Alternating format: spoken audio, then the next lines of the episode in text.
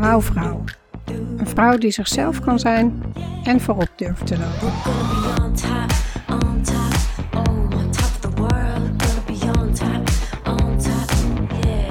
Welkom bij de podcast voor ambitieuze vrouwelijke leiders die dicht bij zichzelf willen blijven en leiden vanuit hun hart en intuïtie. Ik ben Hiltje Oude Luttekhuis en ik wil een wereld creëren waarin je vrouw zijn geen belemmering vormt om een leider te zijn. Als huisarts, CEO van een one-woman biz, mama van vier kids en imperfecte feminist houd ik openhartige interviews met vrouwelijke rolmodellen uit de artsenwereld, wetenschap, tech en entrepreneurship. Vrouwen die voorop durven te lopen. Ook inspireer ik je met female empowerment topics om je zelfvertrouwen te boosten, zodat jij ook voorop durft te gaan lopen. Luister mee. Laat je verwonderen en uitdagen om voorop te lopen. Dit is de Wouwvrouw podcast. Laten we een nieuwe revolutie beginnen.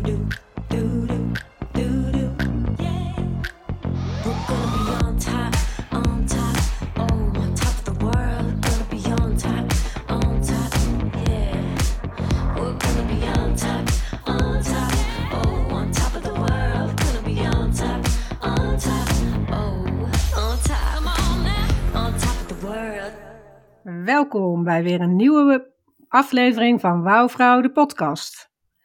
In de studio bij mij Elise van Alderen. Zij is seksuoloog, arts en auteur van het boek Wellust. Waarom we als vrouwen te weinig van seks genieten en hoe we dat veranderen.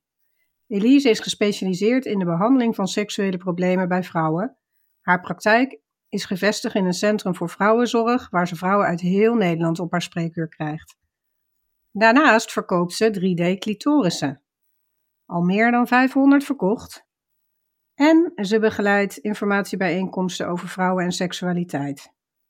Vanuit haar expertise in genderstereotyperingen heeft ze meegewerkt aan de ontwikkeling van de pubergids en het leerpakket Kriebels in je buik. Wellust is een boek over vrijheid en genot, waarin Elise vrouwen op weg helpt naar seksuele autonomie, door ze de kennis te geven over hun eigen seksuele anatomie te bevrijden van wijdverspreide belemmerende mythes over lust en vrouwelijke seksuele inferioriteit en te begeleiden bij het loskomen van aangeleerde schaamte en onzekerheid over het eigen lichaam en ze vertrouwd en vrij te laten worden bij hun eigen seksualiteit. Nou, wauw, welkom Elise. Dankjewel. Ja, uh, ik val meteen met de deur in huis zoals ik meestal doe. Wanneer voel jij jezelf helemaal wauw? Um, ja, dat is wel, dat was echt het moment dat ik hoorde dat mijn boek uh, gepubliceerd zou worden. Toen, dat was echt voor mij een mega wauw moment. Uh, door Atlas Contact, de uitgever. Ja, ja, want wat brengt jou dat? Ja, het was, dit is al heel lang mijn droom. Een, een boek uitbrengen over ja, de, de, de seksueel genot voor vrouwen. Ja, dat was echt euforie, denk ik. Ja, gevoel van euforie van een eh, enorme, maar ook van bevrijding en van opluchting, dankbaarheid, trots, alles bij elkaar. Oh, super. De titel van het boek is Wellust. Ja, en ik voelde al meteen een beetje zo van, hmm, wellust. Uh, vertel eens, wat is de idee achter de titel? Ja, wellust is eigenlijk een oud-Hollands, uh, oud-Nederlandse benaming voor lust. En uh, in die term, of in die betekenis heb ik het gebruikt, maar vooral ook als in wellust. Dus uh, vrouwen hebben wel lust, alleen zijn de voorwaarden er vaak niet naar dat die lust ontstaat.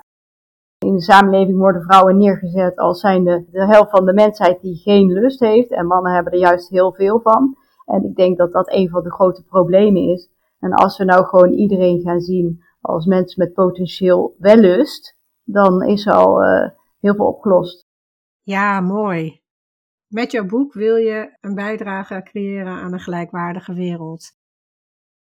Kun je mij vertellen uh, wat voor uitdagingen je zelf hebt ervaren, of misschien juist helemaal geen hobbels en uitdagingen, maar bij het schrijven van het boek?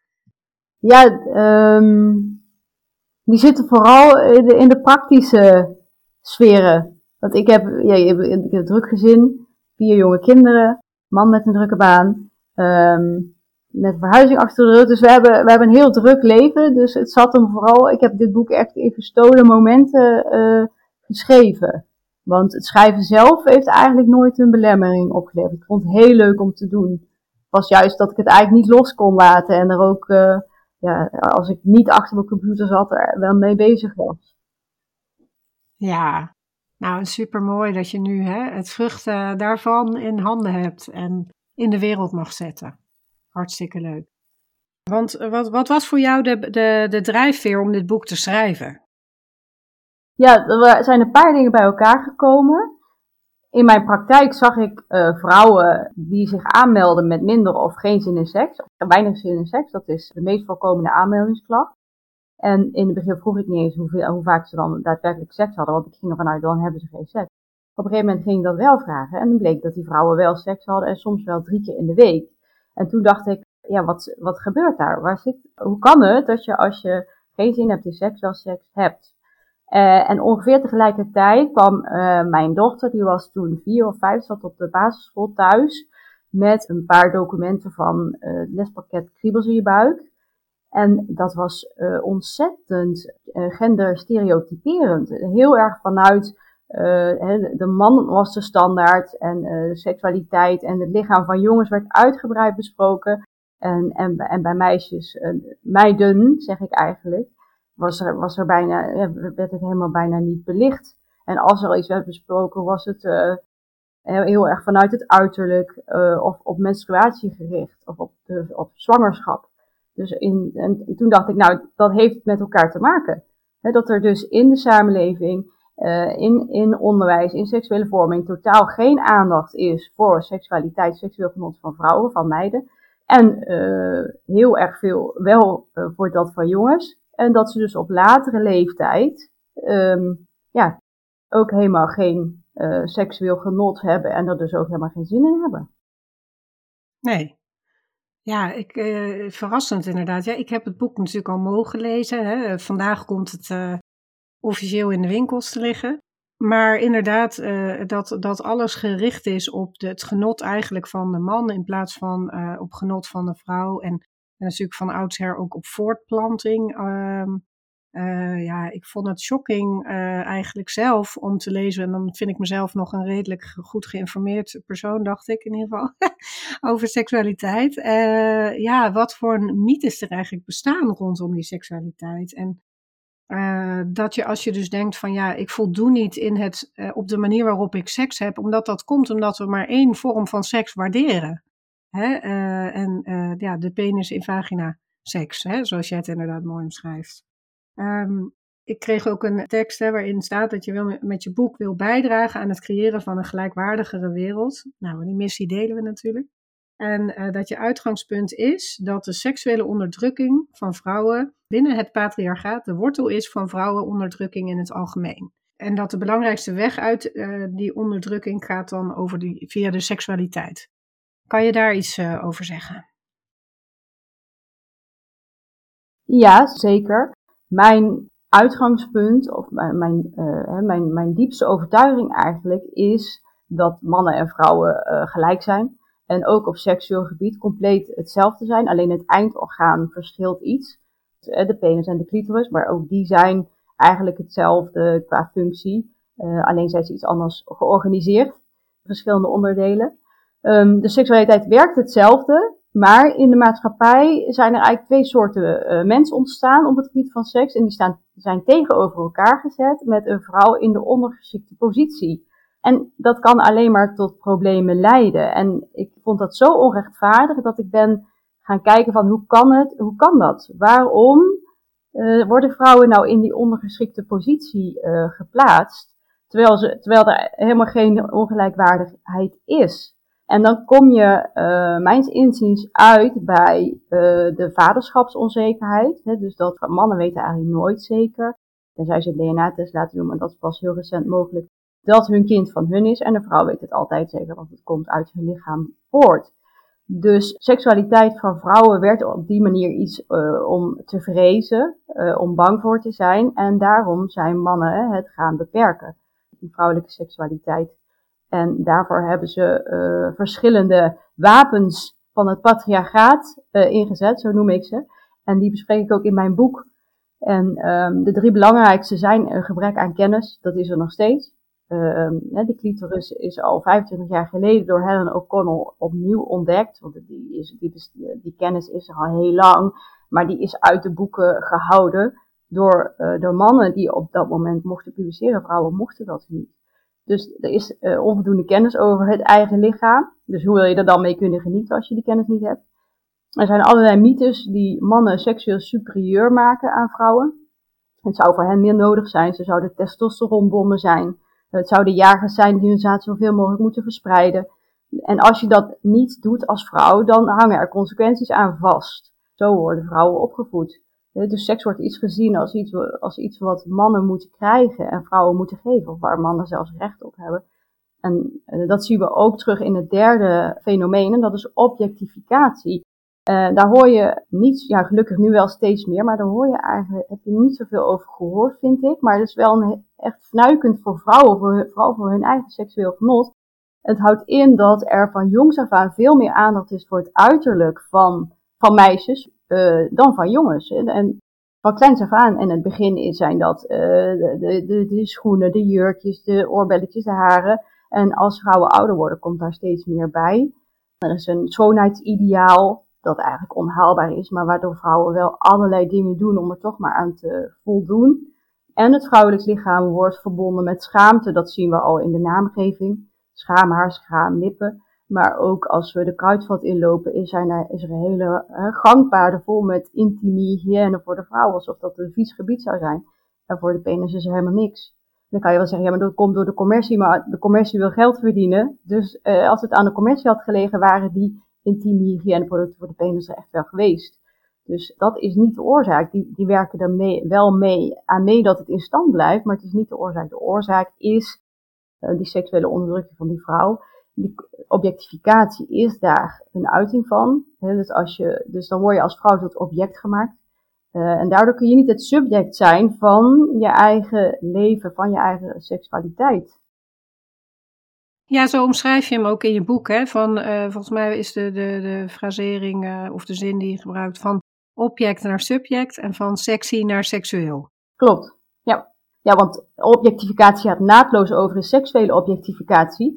En dat is de boodschap dat vrouwen en het vrouwenlichaam er zijn voor het mannelijk seksueel uh, genot.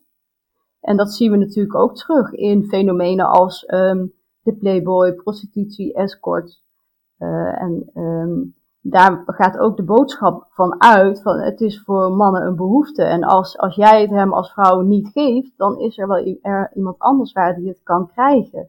Dus um, al dat soort fenomenen houden uh, in stand dat vrouwen als seksueel minderwaardig uh, worden gezien en worden neergezet. En dan kun je wel zeggen, ja, maar dat is in de samenleving. Maar dat neem je onherroepelijk mee in je eigen persoonlijke leven in je overtuigingen en in je relatie. Ja, dat vond ik uh, zelf inderdaad heel verhelderend om na, met het lezen van het boek ook te zien van jeetje, waar speelt het zich af in mijn eigen leven? En ja, het, ook als je een hele fijne relatie hebt, dat je toch het terugziet. En inderdaad, wat je zelf ook vertelde, ik heb inderdaad ook een jong gezin en, en hoe, hoe het zich op school uit en wat ze leren over hun lijf dat gaat geen dag niet voorbij, denk ik, dat we daar geen last van hebben als vrouw. En ik vind het echt super dat jij op de barricade gaat om dit te verhelpen.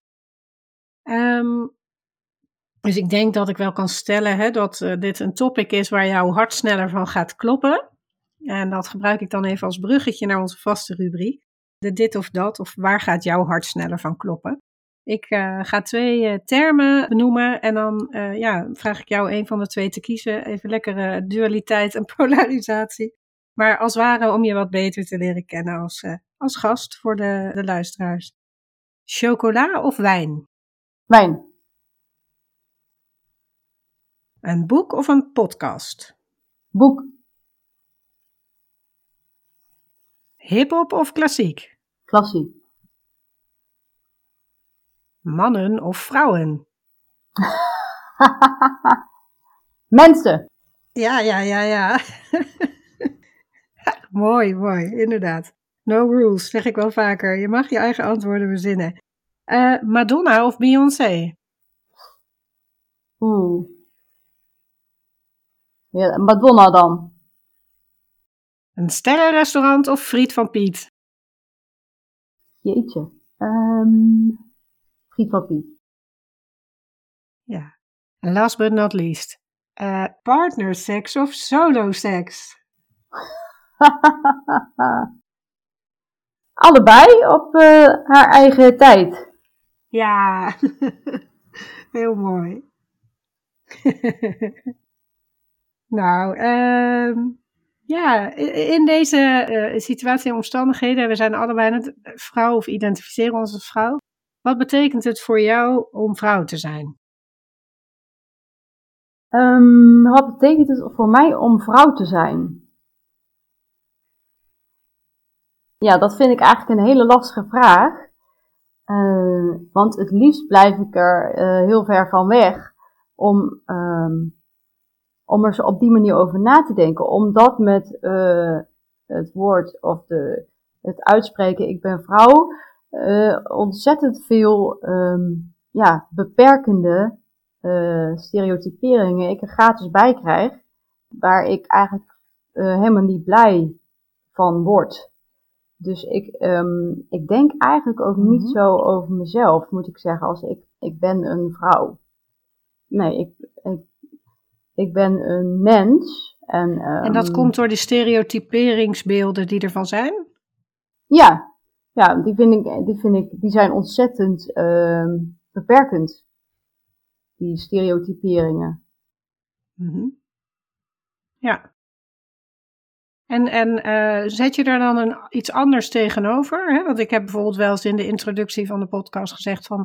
Ja, ik ben een imperfecte feminist, hè, maar inmiddels uh, noem ik me dan een inclusivist, hè, om alles uh, mee te nemen. Maar ja, we mogen ook wel zijn in onze uniekheid.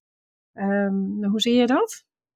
Um, ik denk niet dat ik die helemaal begrijp, die vraag. Nou, um, je zei van ik het voel, me niet, voel me niet gemakkelijk uh, misschien om me neer te zetten of over mezelf na te denken als een stereotype vrouw. Is er dan een andere manier uh, mm -hmm. hoe je daar tegenaan kijkt?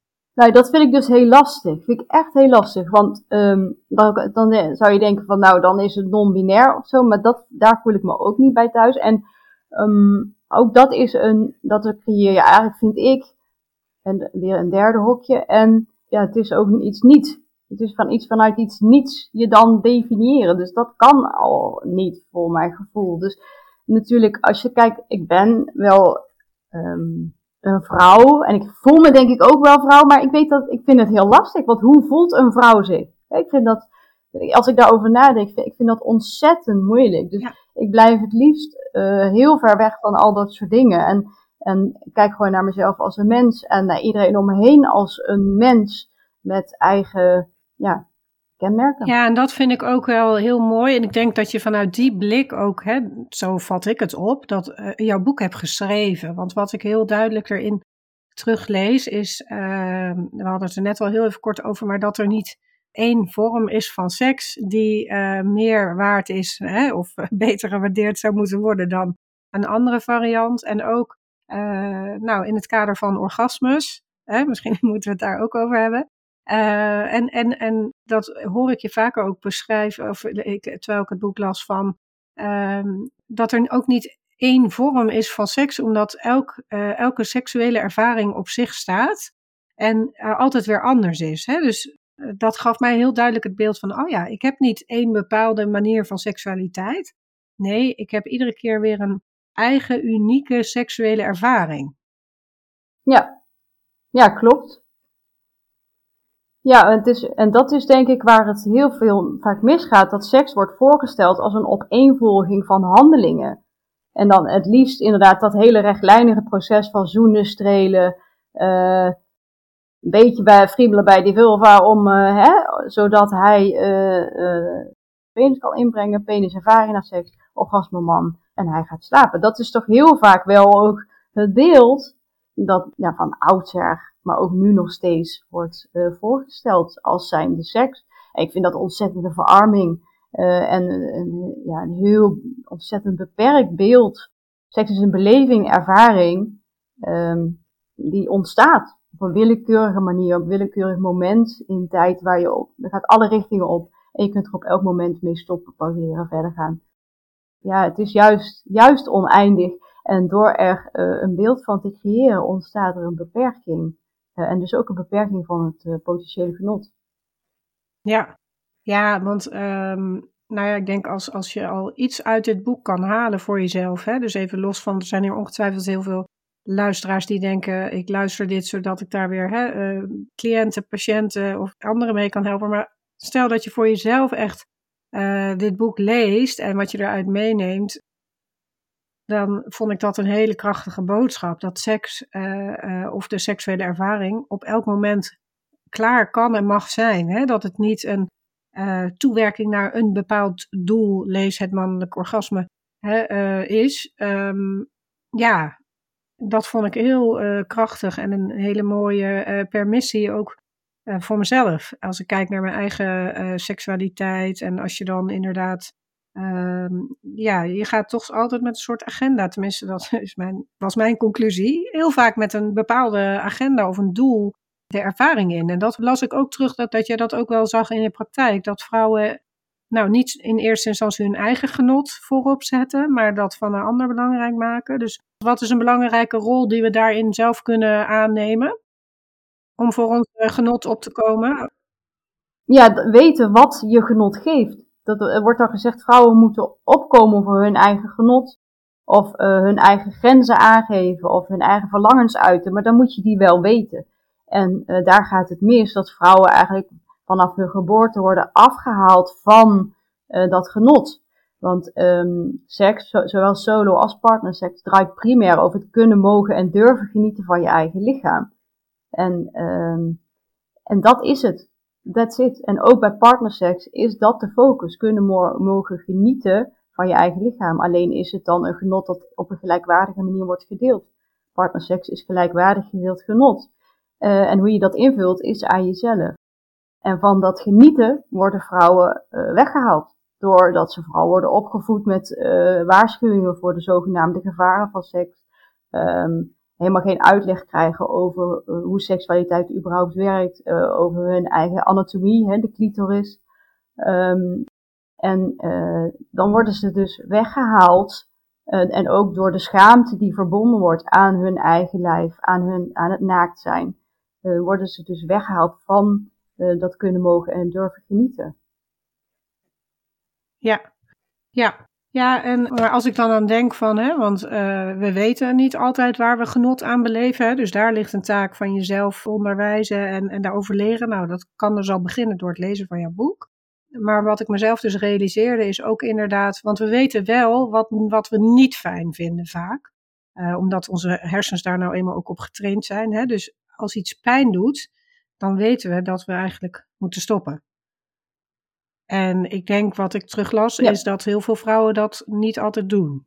Nee, nee je bedoelt pijn, pijn bij penis en vagina seks. Ja, bijvoorbeeld. Of ja, uh, op een andere manier. Uh, als, als iemand jouw clitoris uh, stimuleert en, en je denkt van, oh, ja, ik vind het niet fijn, maar ja, zo lullig als ik er wat van zeg. Hè, terwijl je dan eigenlijk dat beter wel kan doen. Ik wou zeggen, als je dus inderdaad denkt van, oh jeetje, hoe moet ik nou van mijn eigen genot leren genieten? Daar heerst natuurlijk een enorm taboe op solo-seks, dat vertel je ook in het boek. Dus uh, daarom dacht ik misschien, maar ik hoop niet dat het mijn eigen projectie is, maar uh, dat je denkt van, um, oh, dat vind ik alweer een stapje te ver. Maar je kan beginnen met te zeggen wanneer je iets niet fijn vindt en dat bespreekbaar te maken met je partner. Maar ook voor jezelf. Hè? Je hoeft jezelf niks op te leggen van, oh, ik moet mijn genot leren kennen, dus vandaag moet ik even solo seks doen. Ja, dat werkt ook niet natuurlijk. Nee, nee, nee, dat werkt ook niet. Maar um, het gaat ook niet zozeer om, um, uh, om de, het mechanische van die solo seks of om um, gaat om je verlangens leren kennen. Want je seksuele grenzen zijn simpelweg alles waar jij niet naar verlangt. Als jij geen seksueel verlangen voelt, dat is jouw grens seksueel verlangen kon, het is niet iets wat spontaan ontstaat, maar ontstaat als reactie op seksuele opwinding. En ook seksuele opwinding ontstaat weer niet spontaan, maar ontstaat als reactie op een seksuele prikkel. Seksuele opwinding is de toegangspoort naar seksueel genot. en naar alles eigenlijk op het gebied van seks, seksualiteit. Dus als jij geen seksuele opwinding ervaart, zeg ik altijd, kun je beter wat anders leuks gaan doen. Want dan wordt het hem niet. En toch, heel veel vrouwen hebben of doen iets met seks, terwijl ze niet die seksuele opwinding ervaren. Uh, simpelweg omdat ze nooit hebben geleerd dat dat belangrijk is, hoe seksuele opwinding werkt bij henzelf, hoe dat aanvoelt en hoe ze die kunnen opwekken en verhogen. Uh, dat, dat is een uh, onbekend terrein. Maar goed, als je, als je geen zin hebt, dan kan je zin maken, toch? Geen zin in wat? Geen zin in uh, een seksuele encounter? Ja, um, zin maken, dat, dat vind ik altijd een beetje een vaag begrip. Ik, ik adviseer dat sowieso uh, nooit. Ik vind dat uh, seks moet ontstaan uit eigen seksueel verlangen. Um, het kan wel ontstaan op een bepaalde manier, maar dan gaat het erom dat je voor jezelf weet, waar, hè, als je daar zin in hebt, dat, dat, dat je wilt dat dat ontstaat, dat je dan dus ook de voorwaarden creëert waardoor dat ontstaat. En dat is dus die seksuele opwinding uh, opzoeken. Maar dat is geen knopje. Dus als het niet ontstaat, dan is het er niet.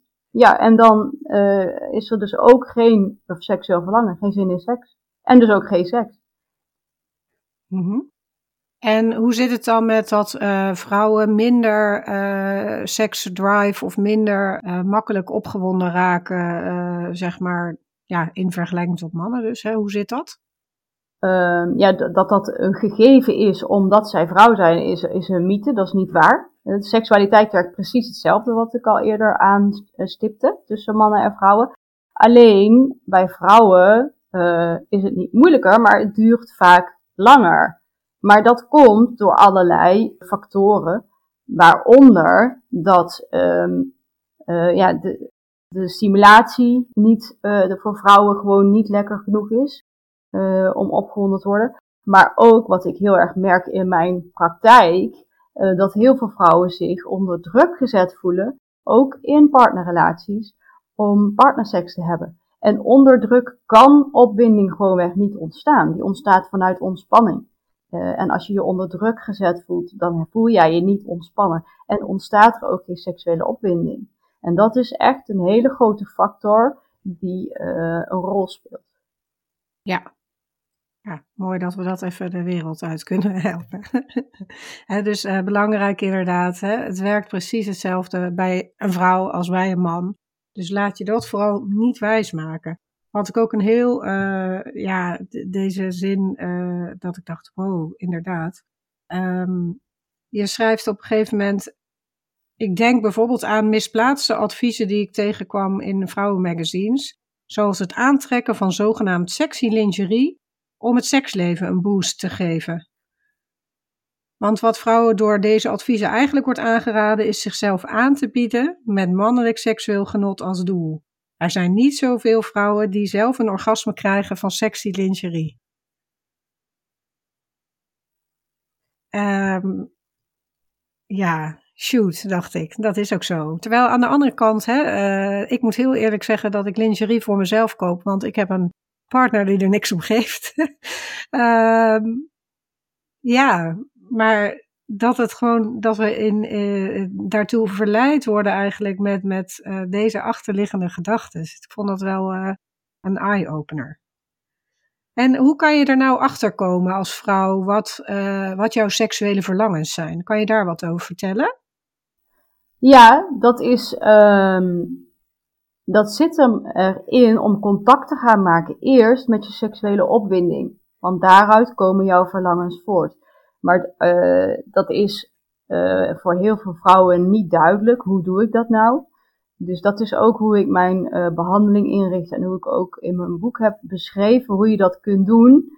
Um, wat ik al zei, het ontstaat seksuele opwinding als reactie op een prikkel die voor jou opwindend is.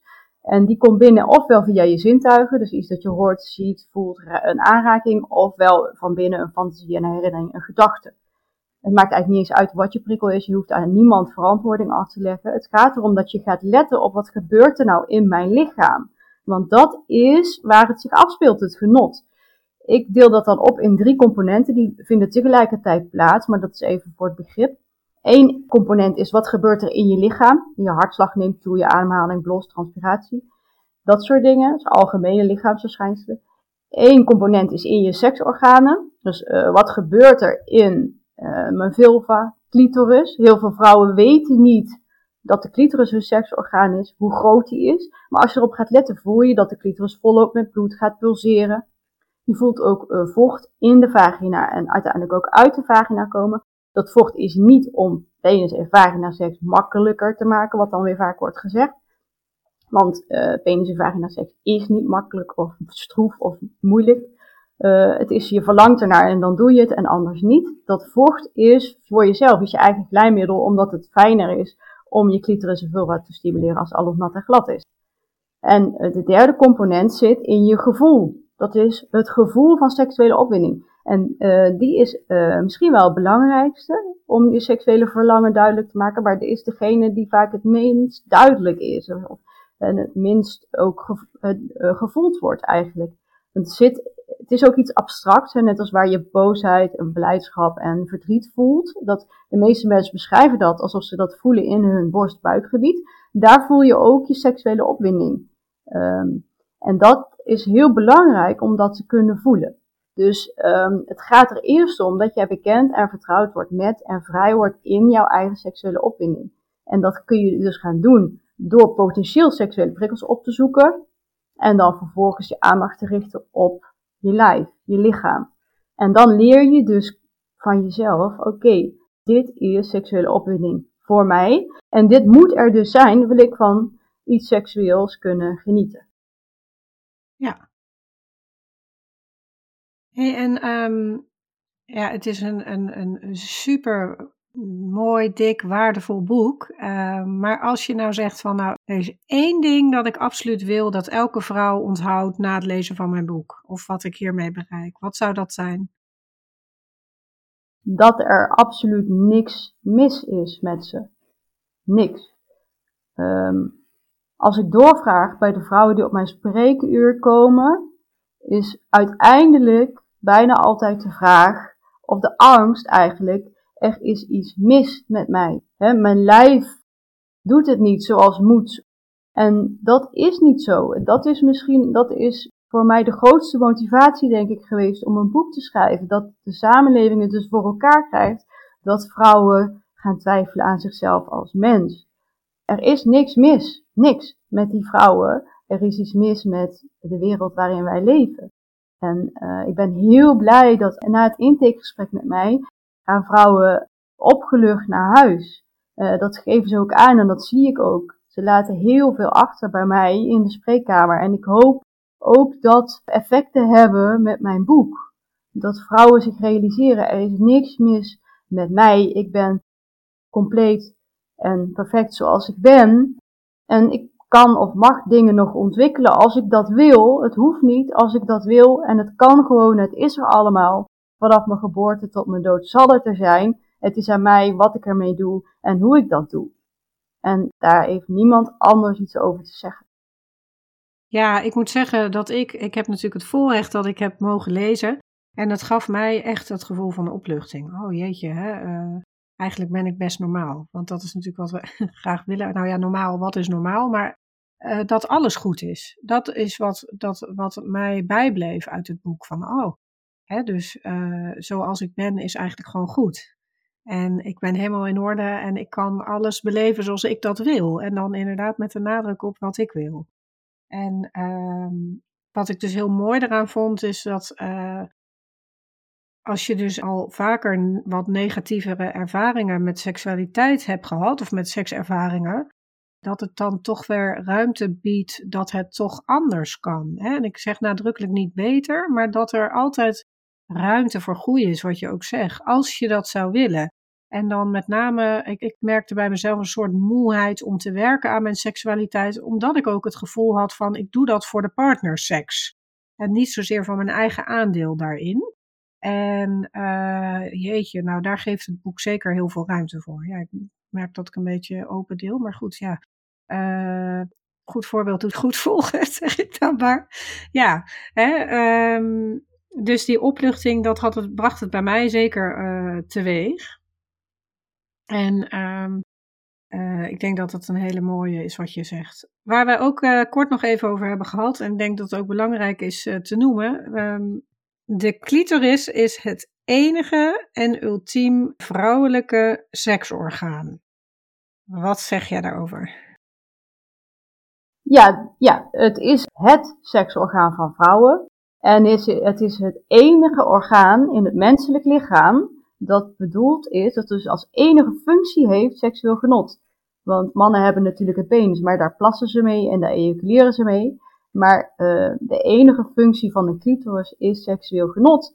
Alleen ja, worden de mogelijkheden van de clitoris nog lang niet optimaal gebruikt, omdat de clitoris is um, ja, gecensureerd eigenlijk. En dat gebeurt nu nog steeds. Er zijn nu nog steeds middelbare scholieren die geen correcte afbeelding of uh, correcte uh, omschrijving krijgen van de clitoris. Dus die weten nog steeds niet hoe hun eigen lichaam uh, eruit ziet, laat staan dat ze daar gebruik van kunnen maken. Ja, en, en kan je eens iets vertellen over die 3D-clitorissen die je verkoopt? Hoe is dat zo gegaan? Ja, dat is um, een paar jaar geleden hoorde ik dat ik die kon uh, kopen ergens. En dat heb ik toen gedaan. En toen dacht ik, ja maar wacht eens even, maar als die dat kan, dan kan ik dat toch zelf ook. Dus toen ben ik dat gaan opzoeken. En uh, toen kwam ik Odile Filot tegen, dat is een uh, die heeft het 3D printmodel gemaakt. En dat kon je zo downloaden. Dus dat heb ik gedaan. En daar heb ik contact opgenomen met een 3D printbedrijf. En nu verkoop ik dus al jaren zelf via mijn eigen website 3D-clitorissen. En ik heb inderdaad onlangs mijn 500ste verkocht. Wauw. En het doel is dan dus om meer bekendheid met de anatomie van de clitoris, denk ik, hè, te creëren. Ja, ja, absoluut. Ja, want ik vind, ik vind het echt uh, onvoorstelbaar en niet te begrijpen ook. Hè, dat wat ik al zei, dat 25 jaar geleden is, is de clitoris uh, door Helen O'Connell, een uroloog, um, die, die heeft die op um, overledene uh, heeft zij die gezien en heeft ze over gepubliceerd. En alsnog, ja, weet, weet niet iedereen van het bestaan af. Ik, ja, ik, ik snap het niet. Ik, uh, ik snap, kan me ook niet voorstellen um, wat daar speelt dat dat zo is gelopen. Maar ik word er wel heel uh, boos van. En um, dat is het vooral, hè, onrechtvaardigheidsgevoel. Van hoe kan dit nou? En wat voor krachten spelen er dat dat nog steeds niet algemeen bekend is gewoon. Iedereen kan een, een, een penis tekenen of graffiti en dat zie je ook regelmatig uh, veelvuldig terug. Het gaat heel vaak over penissen in erecties. En um, als het dan in dat verband over vrouwen gaat, gaat het over hun vagina. Maar de vagina is het geboortekanaal. Dus die, die is helemaal niet zo gevoelig. Want dan zou geen vrouw nog uh, een tweede kind willen als ze al een keer vaginaal bevallen is. Want dat is, ja. dat is gewoon al heel pijnlijk. Nu al. Terwijl het niet zo is. Er zit in die vagina niks um, wat uh, een orgasme kan veroorzaken. Of, het, het, genot komt omdat je via de vagina uh, de bekkenbodem en de achterzijde van de clitoris um, en via bekkenbodem samentrekkingen ook de voorzijde van de clitoris kunt stimuleren. Maar de vagina zelf is niet seksueel gevoelig. Nee. Ja, uh, als je het hebt over boos worden. Ik uh, werd een beetje boos toen ik over Freud las in jouw boek. Ja, ja, dat kan ik me voorstellen. Dan moet ik wel zeggen dat Freud wel wat betekend heeft. Het is niet alleen maar negatief. Freud heeft uh, onderzocht en, en, zijn stellingen. Want hij scheen bijvoorbeeld licht op dat vrouwen, of eigenlijk jonge meiden dan, genot konden beleven aan hun clitoris. Dus hij, hij zette wel de clitoris in in de schijnwerpers. Alleen op een heel beperkte manier. Want hij poneerde dat als vrouwen volwassen worden, moeten zij genot kunnen halen uit hun vagina. Door stimulatie van een penis moet daar dan wel bij gezegd worden. En niet door stimulatie van hun clitoris. Maar het zijn vooral, wat mij vooral verbaast daarbij, is dat het zoveel aanhang heeft gekregen. Zo'n uitspraak van Freud, die hij niet heeft, dus niet onderzocht op een of andere manier, maar die heeft toch heel veel aanhang gekregen vervolgens tot op de dag van vandaag in de samenleving. En dat, dat is iets, uh, nou ja, iets heel groots, vind ik. En ook iets heel tekenends voor wat er in de maatschappij aan de hand is. Ja, en ik vond dat een hele mooie illustratie, en dat benoem je ook van. Um, wetenschap is niet altijd uh, de waarheid. Hè? Dus we proberen met wetenschap zo dicht mogelijk bij de objectieve waarheid te komen. Maar zeker op het gebied uh, wat jij ook beschrijft van seksualiteit, um, is het heel moeilijk om tot een objectieve waarheid te komen. Hè? Want we onderzoeken natuurlijk unieke ervaringen alleen. En um, er zit veel bias en, en verdraaiing in, in de onderzoeken aan zich, hè, denk ik. Nou, eh, niet zozeer in de onderzoeken, maar um, in, in onze, uh, uh, ja, in de maatschappij en in de systemen en structuren. En onderzoeken kunnen dat niet altijd blootleggen. Zeg ik het zo goed? Ja, ja ik, ik denk uh, dat het uh, tot nu toe onmogelijk is om betrouwbaar onderzoek over seksualiteit te, uh, met betrouwbare uitkomsten, die, of niet betrouwbaar, want die, dat die echt de werkelijkheid weergeven. Omdat er sprake is van ontzettend veel normen op het gebied van seksualiteit. Um, en mensen denken dat dat de waarheid is. Dus dat je daaraan hoort te voldoen om normaal te zijn. Hè, dat zit al in het woord normen. Dus mensen, uh, ja, liegen klinkt negatief, maar dat is wel wat er gebeurt. Ze verdraaien de waarheid. Dus ze zeggen dingen uh, die niet waar zijn, over, uh, als het over henzelf gaat, om maar aan die norm te voldoen. Ja, of geven sociaal wenselijk hè, antwoord. Ja. ja, sociaal wenselijk, maar dat komt voort uit die normen. Hè? Als je maar voldoet aan de norm, ben je normaal en hoor je erbij. En als je afwijkt van de norm, dan niet. Dus mensen willen voldoen aan normen, maar um, op het gebied van, van seksualiteit werken normen alleen maar beperkend. Want normen impliceert iets van normaal of abnormaal. En dat bestaat niet op het gebied van seksualiteit. Dat is er niet. Het is wat je er zelf van maakt. Dus dat geeft een onwijze vrijheid uh, om het in te richten zoals jij wilt. Maar ook natuurlijk een, ook wel angst. Want wanneer doe je het goed? Of haal je er alles uit wat erin zit? En normen zijn dan bedoeld als een soort houvast vaak, maar op het gebied van seksualiteit zijn ze eigenlijk enorm beperkend.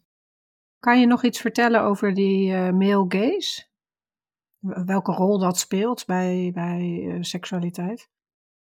Ja, de, de, de definitie is, of als je het letterlijk vertaalt, is het mannelijke blik, maar het is eigenlijk de manier waarop um, de uh, heteroseksuele man kijkt en dat is dat dat de blik is geworden waarmee iedereen is gaan kijken. Dus ook vrouwen.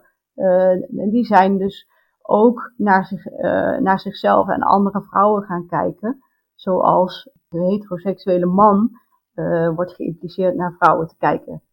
Um, en het komt uit de film, hè, waar vrouwen bijvoorbeeld werden gefilmd. Zo, dan begonnen, begonnen ze bij de voeten en dan gingen ze helemaal omhoog en dan stopten ze bij de borsten, zoiets. Maar het zit ook in wetenschap, zoals ik ook in mijn boek beschrijf. Er zijn enorm veel wetenschappelijke onderzoeken gedaan die uitgaan vanuit, uh, vanuit die male gaze. Um, en dus ook heel erg op, het uit, op uiterlijke kenmerken gericht zijn.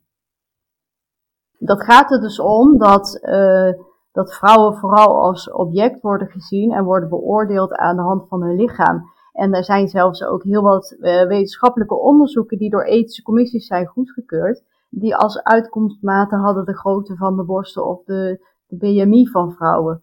Dus zelfs in wetenschap, die objectief zou moeten zijn, is de male gaze doorgedrongen. Ja. Ja, en, en zo zie je inderdaad hè, van, uh, uh, nou ja, dat we inderdaad uh, belangrijk om te benoemen dat, dat er sowieso ook in waarvan we denken, hè, dus dat wetenschappelijk onderzoek objectief is, ook daarin is sprake van exclusie en uh, ongelijkwaardigheid. En, en, niet alleen op gender, maar ook inderdaad uh, andere vormen, hè, dus de able-bodied versus disabled. Ja, hoe, hoe is dit nou eigenlijk zo op jouw pad gekomen? Want ik heb wel begrepen hè, de, van hoe je tot het schrijven van dit boek en dus van jeetje, ik zie dit en daar wil ik een einde aan maken. Maar wanneer of hoe kwam jij tot zo'n passie voor seksualiteit dat je seksuoloog bent geworden? Ehm, ja. ja, ik ben na mijn, ik ben na mijn artsexamen ehm, bij de gynaecologie, gynaecologie gaan werken ik had het op een gegeven moment allemaal geregeld. Ik zou een promotieonderzoek gaan doen en daarna zou ik een opleiding gaan tot gynaecoloog. En dan uh, ja, aan het werk gaan als gynaecoloog. Dus het was eigenlijk allemaal duidelijk. Maar um, nou ja, ik voelde dat, ik er, dat het niet klopte, dat ik er niet gelukkig in was. En dat ik eigenlijk meer diepgang zocht in het contact, de mens tegenover mij. En dat was voor mij als arts in de spreekkamer van het ziekenhuis niet mogelijk. Dus toen ben ik gaan zoeken uh, wat dan wel. En uiteindelijk ben ik toen uh, uitgekomen bij de seksuologie. Want daar zou mijn arts zijn wel ook van pas komen. Maar dan zou ik wel de tijd hebben om, ja, om, met, om echt in uh, gesprek te gaan met de mensen tegenover mij. En daar kwam mijn voor, ja, voorheen opgedane kennis en ervaring. Alles kwam daar eigenlijk bij elkaar. En, en het was ook goed te combineren met mijn leven op dat moment. Dus toen ben ik de opleiding tot seksuoloog gaan doen. En uh, ja, en toen kwam van het een uh, het ander. Ja, hoe gaat dat in zijn werk? Want ik vind dat wel mooi. Hè? Dus als huisarts denk ik ook wel eens van, oh, waar kan ik deze patiënt toe laten gaan? Maar ik zou zelf niet zo goed kunnen uitleggen hoe het in zijn werk gaat bij de seksuoloog. Dus kan je daar wat over vertellen? Hoe lang heb je bijvoorbeeld de tijd met, uh, met de mensen tegenover je? Ja, dat is. Um, nou, ik heb een uh, eigen praktijk, dus ik ben, uh, ik ben ZZP'er. Dan kan ik eigenlijk mijn eigen dingen bepalen. Dus het, het is wel heel anders dan in een ziekenhuis, denk ik. ik weet ook niet precies hoe het daar gaat. Maar ik heb standaard anderhalf uur voor mijn gesprekken. En die, dat heb ik ook echt nodig. Maar dat wil ik ook. Ik wil ook die, die rust en die tijd kunnen pakken om, want er is zoveel vaak om in kaart te brengen en te vertellen, um, dat ik dat ook voor mezelf heb besloten dat ik dat er gewoon voor neem, die tijd. Ja, mooi. En, en is er iemand die voor jou een soort rolmodel was of is, of is er een inspirerend voorbeeld voor jou geweest? Nee, niet één. Ja, ik, vind, ik vind heel, eigenlijk als je goed kijkt, heeft iedereen wel iets inspirerends. En, um, maar wat ik vooral inspirerend vind, zijn bijvoorbeeld mensen die heel erg kunnen genieten. Dus uh, dat zie ik bijvoorbeeld terug bij mijn kinderen. Maar er zijn ook echt nog wel volwassenen die dat niet zijn kwijtgeraakt. Dat vind ik heel mooi om te zien. En um, mensen die elkaar belangeloos helpen, dat vind ik ook ontzettend inspirerend. Uh, om te zien. Want ik denk dat we daarvoor als mensen ook uh, op deze aarde zijn. Om het met elkaar uh, ja, mooi te maken. En met elkaar uh, een mooie wereld en een mooi samen zijn van te maken. Dus, en helaas gaat het op heel veel plaatsen mis. En ik snap ook niet precies hoe dat dan kan. Um, en waarom. Want dat is voor mij, staat voor mij heel ver af van het doel van. Als je over een doel kunt spreken, maar ja, waarom zou je het zo zoiets naars van maken. Mhm. Ik vind dat wel een mooie uh, ja, opstap om het te hebben over een stukje over sisterhood. Het stukje belangeloos iets doen voor een ander. Mijn visie is dat we elkaar ook veel meer zouden kunnen helpen als vrouwen dan in ieder geval om weer, weer of meer of op bepaalde manieren, of op heel veel manieren misschien, uh, sisterhood te claimen en in te brengen hè, om elkaar te helpen. Er is natuurlijk ook een stukje vanuit het patriarchaat gedaan alsof vrouwen elkaar altijd maar omlaag duwen en trappen. En, en dat is zeker niet zo. Maar ik denk wel met het, het winnen van terrein, bijvoorbeeld in ons werkende leven, dat de uh, gebieden waar we van oorsprong vanzelf met elkaar in verbinding kwamen, ook minder zijn geworden. Dus hoe, hoe zie jij dat voor je? Eh, heb jij een bepaalde band met uh, andere vrouwen en, en hoe breng je dat in in je leven, in je carrière of in je privéleven? Ja, dan is het een heel mooi voorbeeld, is mijn werk. Ik werk, eh, mijn praktijk, mijn praktijk is gevestigd bij Lijn Vrouwenzorg in Zon en Breugel. En dat is een, een, centrum dat puur is gericht, puur en alleen op zorg voor vrouwen. vrouwen in alle levensfases, met alle problemen zijn daar welkom. En ehm, het is een centrum met medici, paramedici, complementaire geneeskunde en een holistische vrouwvisie.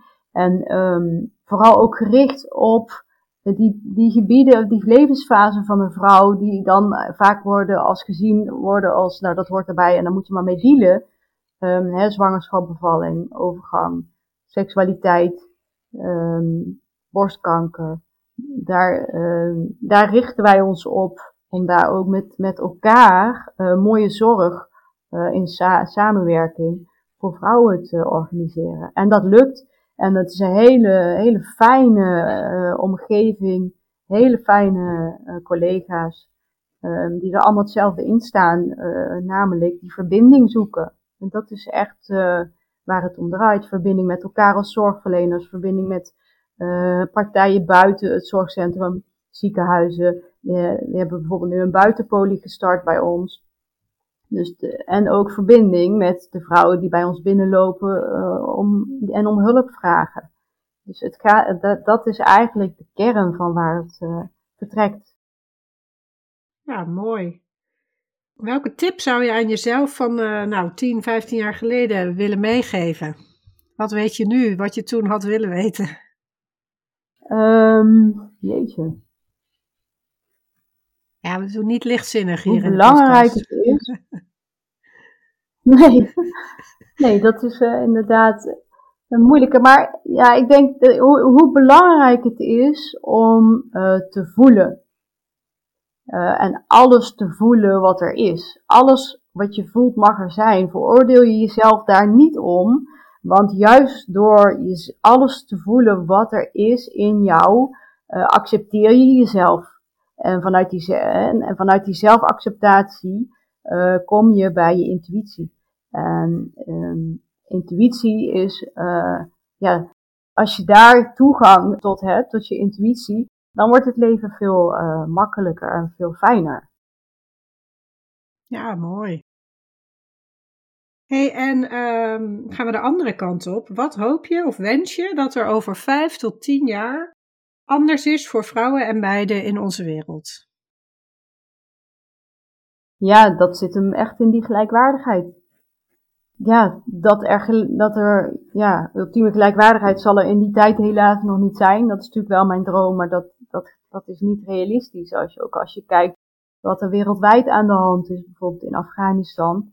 Um, maar ja, ik hoop, ik hoop echt dat dat uh, verandert. Want ik, ik, ja, het, heeft alleen maar, het geeft alleen maar ellende. En er is geen enkele rechtvaardiging om vrouwen als minderwaardig uh, af te schilderen aan mannen. Die, die reden, er is geen reden voor, er is geen verklaring voor, er is geen grondslag. En het is zo onrechtvaardig en het maakt de samenleving en de wereld veel minder mooi dan die zou kunnen zijn. Dus als er iets is wat ik mijn kinderen toewens, is dat zij in een meer gelijkwaardige wereld mogen leven. Ja, en ik uh, moet zeggen, ik, uh, toen je net zei van hè, dingen waar we maar mee hebben te dealen, toen dacht ik, oh ja, dat wou ik ook nog uh, aankaarten in ons gesprek. Want ik las het nu, maar ik heb het in eerste instantie ook weer ontkend, dat we als vrouw geen pijn hoeven te hebben bij penis- en vagina seks. En dat ik dacht, oh ja, maar ik geloof dat eigenlijk niet, omdat het niet mijn ervaring was hè, eh, tot nu toe. En um, nou, ik hoop echt, en zeker door het lezen ook van jouw boek, dat dat ook iets is wat over vijf tot tien jaar anders is. Want ik herken het ook enorm uit de spreekkamer, dat ik denk, ja, we doen maar net alsof we ermee moeten dealen dat het ongemakkelijk is of dat het pijn doet. En dat is dus niet zo.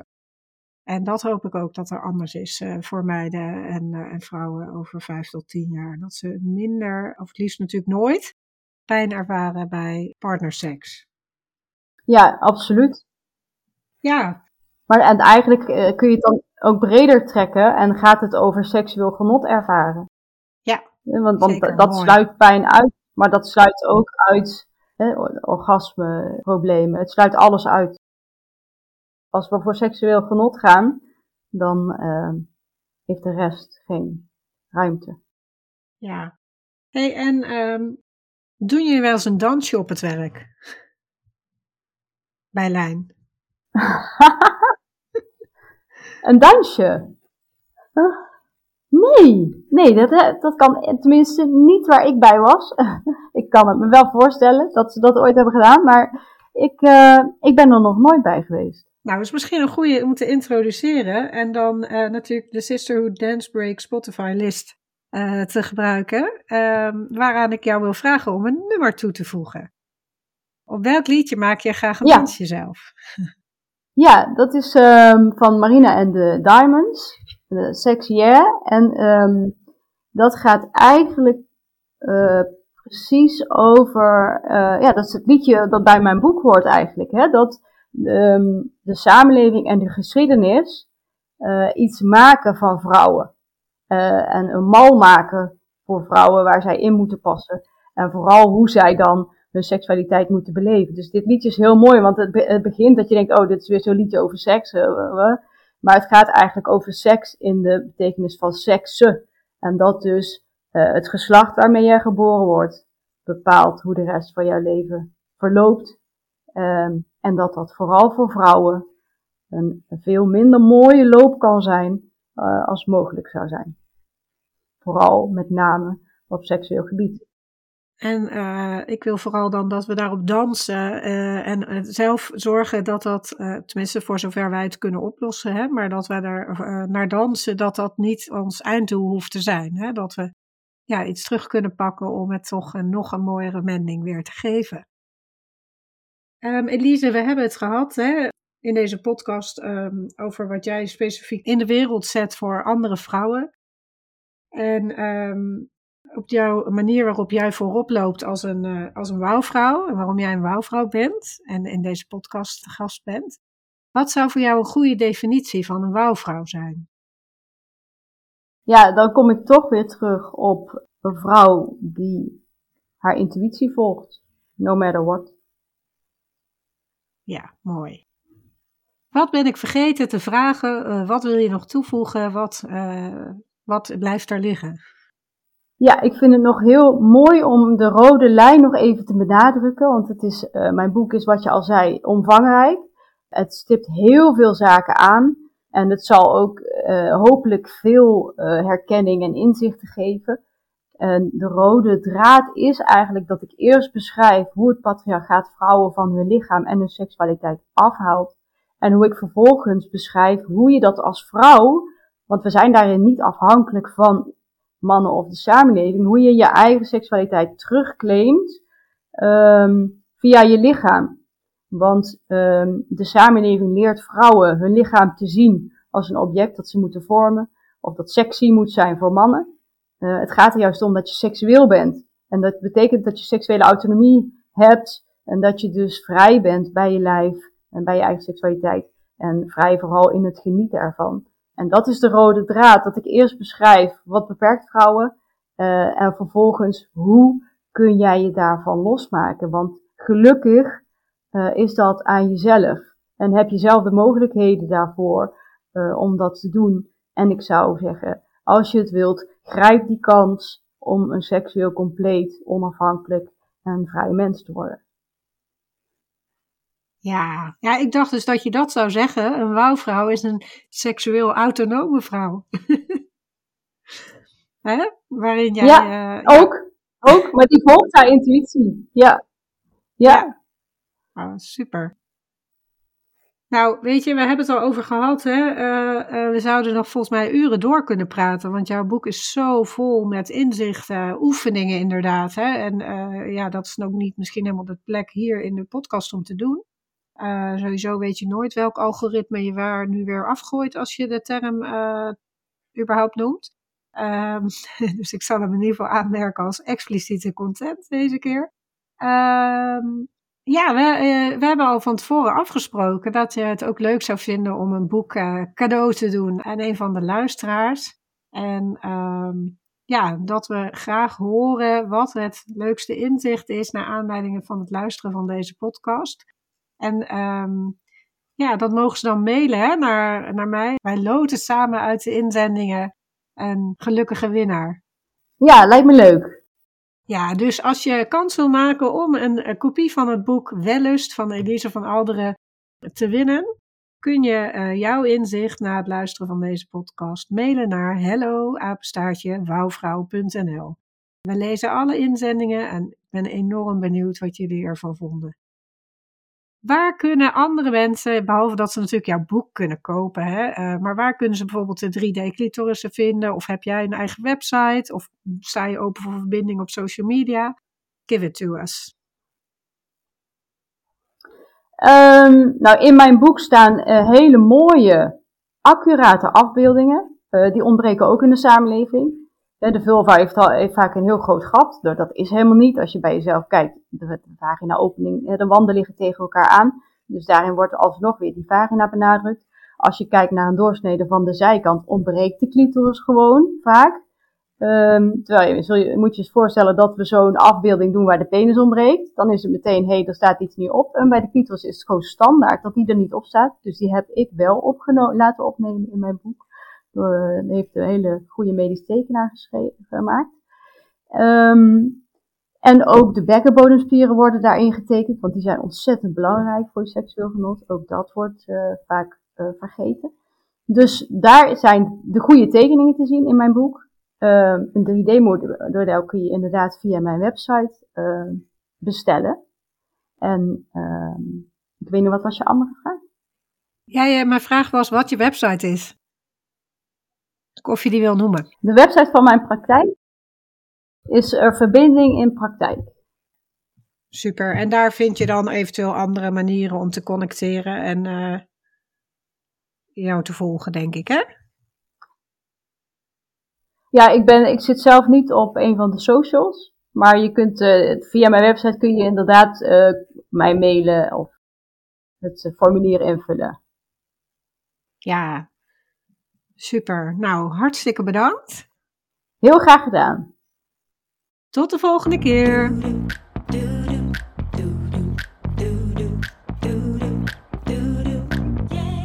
Wauw, geweldig dat je deze week weer intunede op Wauwvrouw, de podcast. Ik ben heel nieuwsgierig wat je inspireerde of welke inzichten je uit deze aflevering haalt.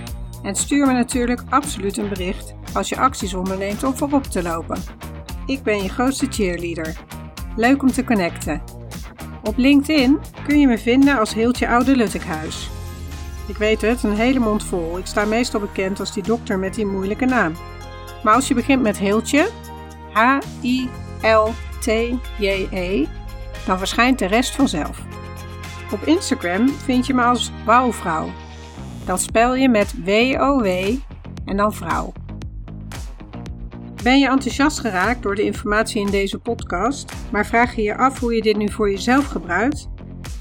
Dan heb ik iets heel tofs voor je.